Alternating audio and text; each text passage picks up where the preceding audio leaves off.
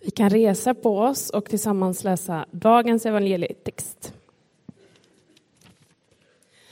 Ni kan följa med på skärmarna och ni som har en röd bibel i handen kan bläddra fram till sidan 767. Jesus svarade, ännu en kort tid är ljuset bland er. Vandra medan ni har ljuset så att inte mörkret övervinner er. Den som vandrar i mörkret vet inte vart han går. Tro på ljuset medan ni har ljuset, så att ni blir ljusets söner. När Jesus hade sagt detta lämnade han dem och var försvunnen. Trots att han hade gjort så många tecken inför dem trodde de inte på honom. Ty profeten Jesajas ord skulle uppfyllas. Herre, vem har trott på det vi fick höra och för vem har Herrens makt uppenbarats? De kunde inte tro, ty Jesaja säger också han har förblindat deras ögon och förstockat deras hjärtan så att de inte kan se med sina ögon och förstå med sitt hjärta, omvända sig och bli botade av mig. Detta sa Jesaja därför att han såg hans härlighet och det var om honom han talade. Ändå kom också många i rådet till tro på Jesus. Men med tanke på fariseerna ville de inte erkänna det för att inte bli uteslutna ur synagogan. De älskade äran från människor högre än äran från Gud. Så lyder det heliga evangeliet. Vi förenar oss i en bön. Gode Gud, öppna våra sinnen så att vi känner igen dig i ditt ord, i våra liv och i vår tid. Amen. Idag handlar det alltså om frälsningen. Det vi har hört läsas som bibeltext är från Johannes evangelium. Och när Johannes evangelisten skriver sina slutord i sitt evangelium för att liksom låta oss förstå vad det var han ville med allt det som han nedtecknade då skriver han så här, också många tecken som inte har tagits med i den här boken gjorde Jesus i sina lärjungars åsyn. Men dessa har upptecknats för att ni ska tro att Jesus är Messias, Guds son, och för att ni genom tro ska ha liv i hans namn. Alltså allt det som står här, som vi nu har läst, det Johannes väljer att berätta av allt det som han har varit med om om Jesus, det står där för att vi ska tro på honom och för att vi också ska ha liv i honom. Tro och liv hålls ihop av Johannes. Så gör det genom hela hans evangelium. Och därför är det här en väldigt stor fråga för Johannes. Alltså, som vi hörde i början på texten, trots att han, Jesus, hade gjort så många tecken inför dem, så trodde de inte på honom. Och detta var ju ett mysterium för Johannes, eftersom han skrev upp det här. För vem kunde inte tro när sådana tecken gavs av honom? Det var den stora frågan. Alltså det handlar om frälsningen, om tro och om liv. Men det här med frälsning, om man läser den texten, är inte så enkelt som man kan tro. Det räcker inte alltid med några tecken, givna tecken, stora tecken, många tecken för att tro. Det är som ett sorts mysterium. Det är värt att reflektera över frälsningen och hur det är att komma till tro och vad det är att komma till tro och leva i det. Fortsätter man att läsa så säger Johannes att de kunde inte tro. Det är hans svar. Det är också ett intressant svar. De kunde inte tro. Ja, de kunde inte tro. Är inte tro någonting som man själv gör och gensvarar på det man hör? Finns det egen, ingen, ingen egen insats i det? Och för att liksom verifiera det som han själv kommer fram till, de kunde inte tro, så läser han den gamla profeten Jesaja och där hittar han ett ställe som han tolkar in som om det handlar om Jesus, där Gud tycks ha förstockat och förblindat människors ögon och hjärtan. Och därför kunde de inte tro. Vad är det för svar? Skulle, skulle Gud ha förstockat och gjort det svårt för människor att tro? Jag menar Gud som vill att alla människor ska tro och komma till insikt om sanningen. Men inte heller där kan Johannes stanna, för här fortsätter han och sen ser han att ja, men trots att det nu står så här och är så, och så här kunde det vara kanske, så är det ändå så att många i rådet kommer till tro. Alltså de är nog inte helt förstockade och förblindade då, för då hade de ju inte kommit till tro. Men här är några som faktiskt kommer till tro. Som har tagit det här till sig, men, hör och häpna, trots att de har kommit till tro så kommer de inte ut i tro. Därför de är rädda för sitt sammanhang. Om de kliver ut där, om de talar om hur de tror, då förlorar de sin sociologi, sin gemenskap och sin plats i det sammanhanget. Och det, det blir ett för stort offer.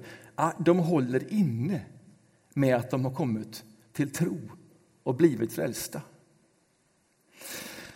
Alltså frälsning är ingen enkel sak kan man läsa av detta lilla sammanhang. Det är inte givet att komma till tro. Det är inte givet att man kommer till tro och sen kommer ut som troende. Det finns många saker som spelar i detta med frälsningen som är värt en reflektion. Varför ska man bli frälst? Varför komma till tro? Ja, frälsningen svarar alltid på en fråga, ett behov.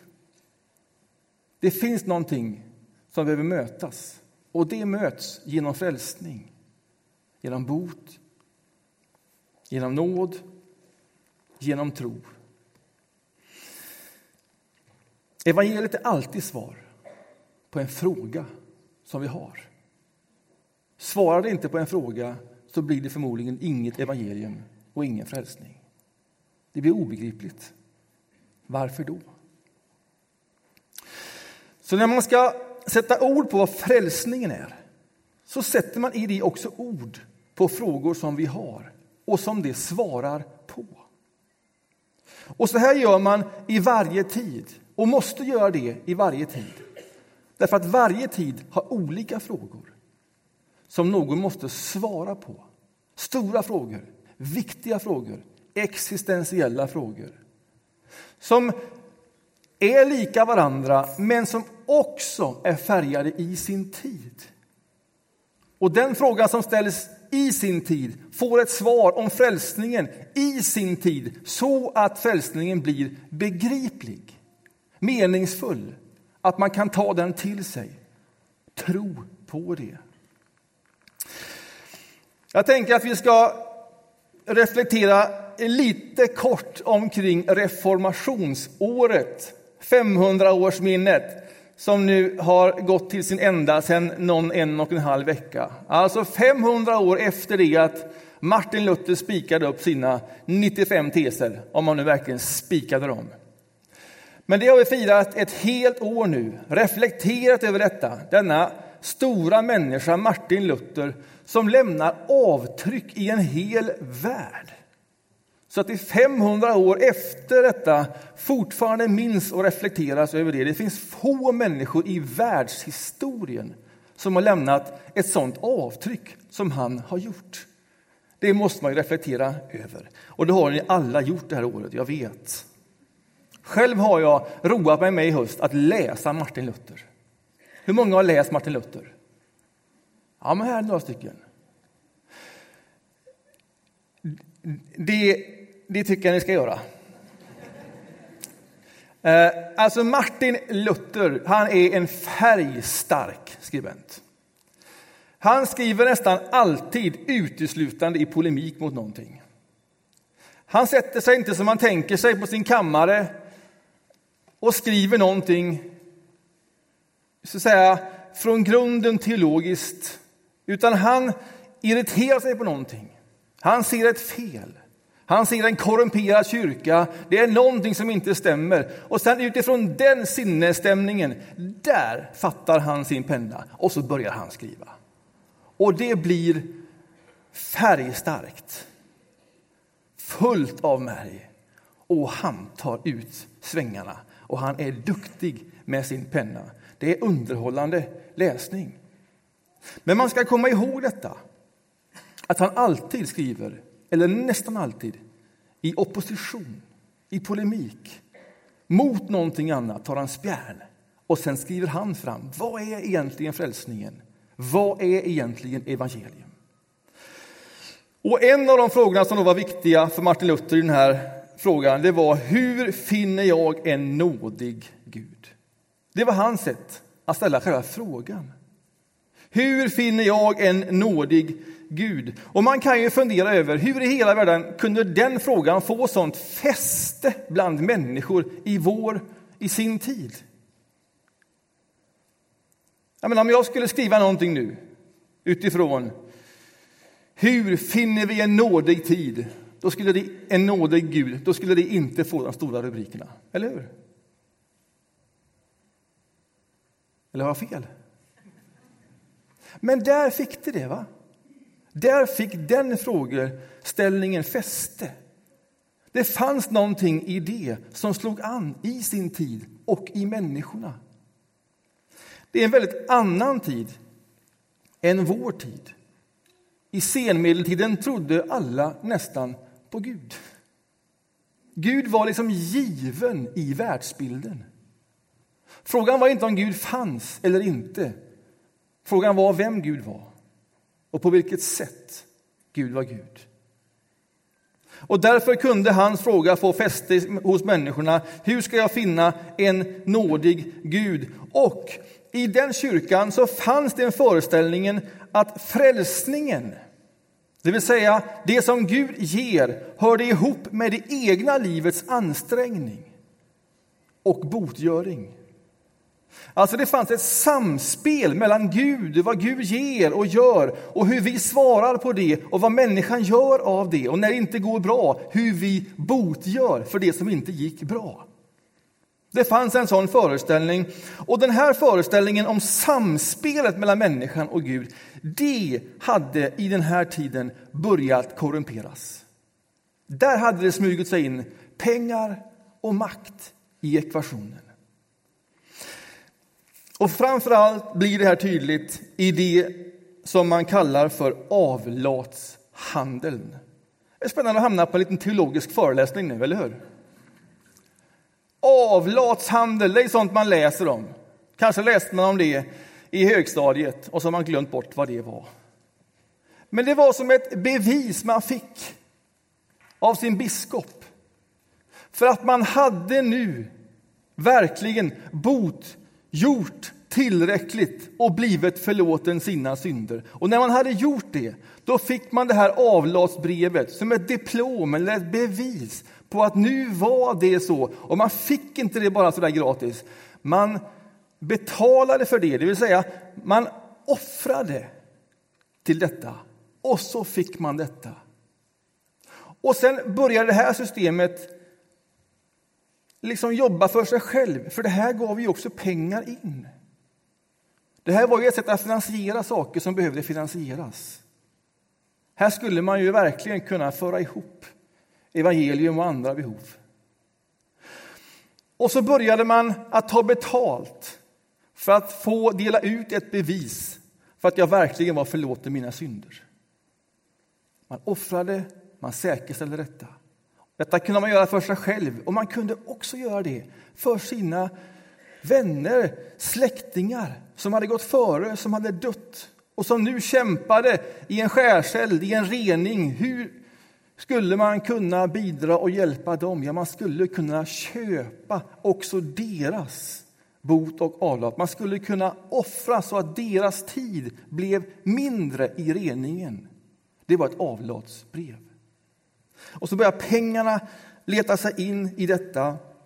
Och sen blev den här samverkan mellan Gud och människa väldigt konstig. För då blev det till sist så att det hade gått så långt att du faktiskt kunde med pengar köpa någonting som hade att göra med din egen frälsning eller andras frälsning. Alltså skruvat. Och detta är Martin Luther så upprörd över. Så här kan det ju inte vara. Och hans fråga, kommer vi ihåg den? Hur finner man en nådig Gud? Ja, det svaret som kyrkan ger kan omöjligt vara rätt. Vi kan inte köpa oss fram till en nådig Gud. Han var extremt upprörd över detta.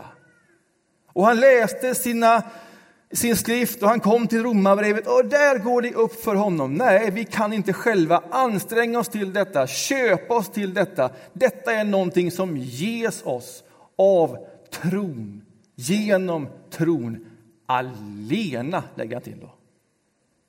Är ni med? Ni kommer ihåg en Luther? Detta var hans stora fråga då. Genom tron alena. Det var svaret på den tids fråga. Hur jag finner en nådig Gud. Alltså hur kommer vi ur det här systemet? Där vi själva har så stor inverkan på frälsningen. Tron alena. Och han kommer ju fram till någonting väldigt viktigt och centralt för evangeliet. För tron är ju en gåva. Tron är verkligen en gåva. Men kanske tar han i så mycket i polemik mot det som var att han spelar bort en annan del som också hör till frälsningen. Tron är en gåva. Vi kan ingenting göra. Och ändå är det inte ett samspel mellan Gud och människa. Gud ger och vi tar emot. Det är också någonting vi gör. Tro och liv sitter ihop i ett samspel. Vad är vår tids fråga? Den frågan som motsvarar Luthers fråga i sin tid. Om det inte är hur finner vi en nådig Gud, vad är vår tids fråga? Skulle vår tids fråga kunna vara någonting i stil med Alltså, hur lever man ett meningsfullt liv? Hur lever man ett hållbart liv? Hur får man allting att liksom gå ihop till en helhet? Där tror inte är en privatsak och arbetslivet någonting annat, utan det sitter ihop. Det är sammanhållet och det är här och nu. Kan det vara vår fråga? Kan det vara vår fråga? Ja, jag tänker när man frågade Göteborg inför 400-årsjubileumet. Vad vill vi som göteborgare satsa på nu i vårt jubileum?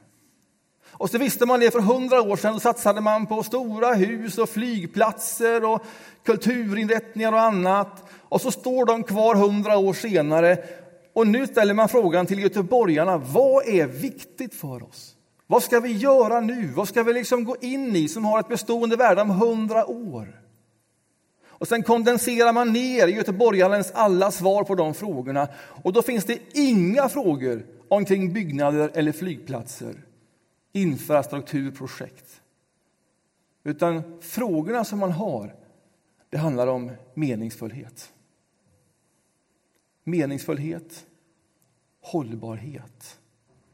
Det är de stora frågorna.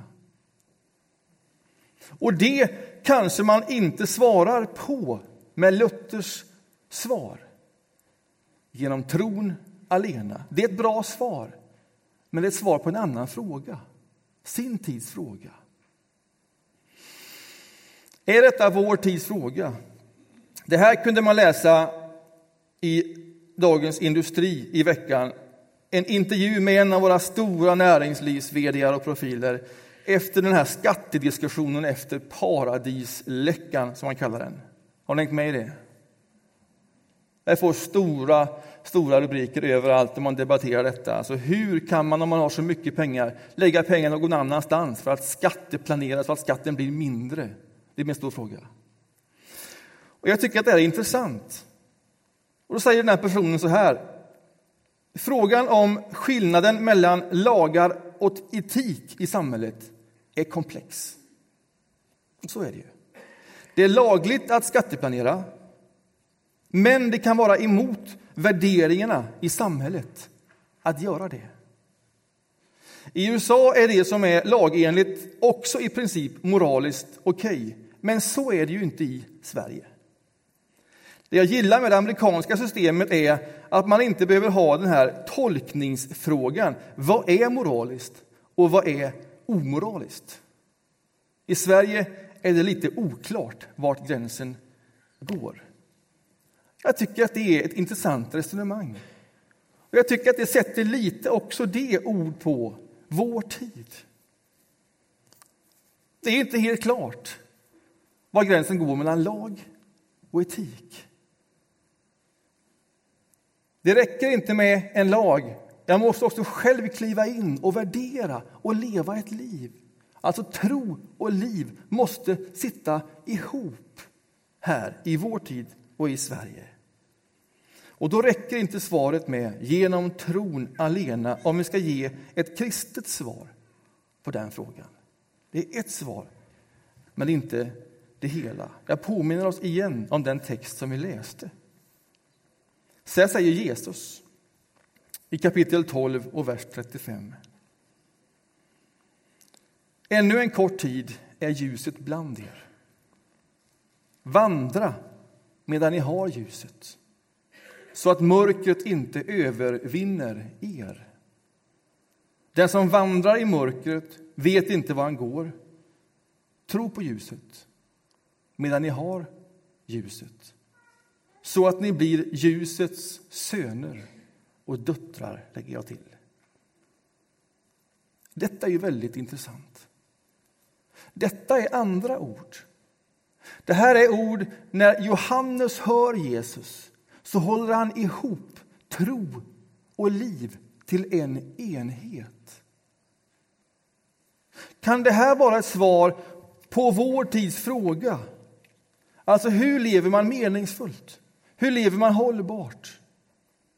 Hur hänger man ihop ett helt liv, även om inte lagar och förordningar är tydliga på varje punkt? Kan det då vara detta som Jesus säger som vägleder oss i detta? Vandra i ljuset, medan ljuset finns här. Vandra inte i mörkret, för då hittar man inte fram. Och att vandra är ju i allra högsta grad ett samspel med Gud. Tänk om vi behöver återvinna den aspekten av frälsningen också. Frälsning är en gåva och ett samspel. Tro och liv i förening. Vi vandrar i ljuset. Och det är han som är ljuset. Och när vi vandrar här i ljuset, då gör vi det så att mörkret inte ska få liksom makt över oss. I vilka frågor? I alla frågor. Ett helt liv. Blir det tydligt vad som är rätt och fel? Ja, det är inte helt säkert att det blir så himla tydligt. Men frälsningen är likväl att vandra i ljuset så att vi blir ljusets söner och döttrar. Tänk om detta är ett svar, ett liv som det går att förstå i vår tid. Liksom man förstod Martin Luthers svar i sin tid. Och man kan läsa på samma sätt episteltexten ifrån breven som också är föreslagen denna söndag. Först andra Petrus brev, det första kapitlet. Lyssna på det här. Detta är väl också om ett samspel som frälsning. Nåd och frid åt er i allt rikare mått genom kunskap om Gud och Jesus, vår Herre. Ty allt som leder till liv och gudsfruktan har hans gudomliga makt skänkt oss genom kunskap om honom som i sin härlighet och kraft har kallat oss. Alltså, nu läste vi det för första gången. Jag läser det liksom med oss en gång till så att det här sjunker in. Allt som leder till liv. Det är stora ord. Och till gudsfruktan. Det har hans gudomliga makt skänkt oss genom kunskapen om honom. Alltså, vi har fått allting. När vi har fått upp våra ögon för Jesus, vi tror på honom, då har allting som ger oss liv getts oss genom honom. Allt finns där. Allt är tillgängligt för alla oss som han har kallat. Han har gett oss sina stora och dyrbara löften för att ni tack vare dem ska bli delaktiga av gudomlig natur sedan ni kommit undan det fördärv som begäret drar med sig i denna värld. Det är om oss han skriver. Delaktiga i gudomlig natur. Vad betyder det här? Jo, detta. Sök därför med all iver. Här är ju ett samspel igen. Vi har en del i frälsningen. Sök därför med all iver att till er tro foga styrka, till styrkan kunskap, till kunskapen självbehärskning, till självbehärskningen uthållighet, till uthålligheten gudsfruktan, till gudsfruktan broderlig omtanke och till omtanken kärlek. Ty om allt detta finns hos er och får växa till, då blir er kunskap om vår Herre Jesus Kristus inte overksam utan bär frukt. Är det detta som är att vandra i ljuset? Att vara ett ljusets dotter eller son? Att leva ett liv som så sitter ihop. Där inte allting är reglerat av lagar och förordningar. Men det är ett liv som jag lever. Och där jag utifrån det ljuset och det livet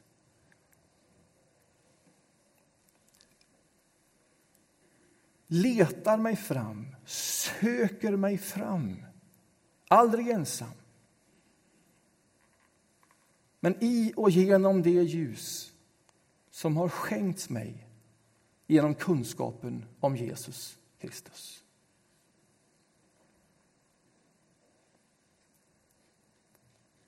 Tänk om frälsningen inbegriper mycket mer samverkan med Gud än vad vi har lärt oss de sista 500 åren. Martin Luther lärde oss något viktigt, något omistligt. Ingen kan köpa sig frälsning.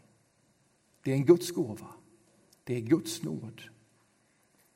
Men till det ska nog fogas att också själv vandra. Att med iver foga en strävan som mynnar ut i broderlig omtanke och kärlek. Det är frälsningen. Och om det är svaret på frågan om meningsfullhet och hållbarhet och ett sammanhållet liv så tänker jag mig att det är ett svar som när det kommuniceras som exempel i just sin bristfällighet, men ändå exempel och liv så är det ett svar som går att förstå i vår tid. Är detta frälsningen? Vandra i ljuset. Amen.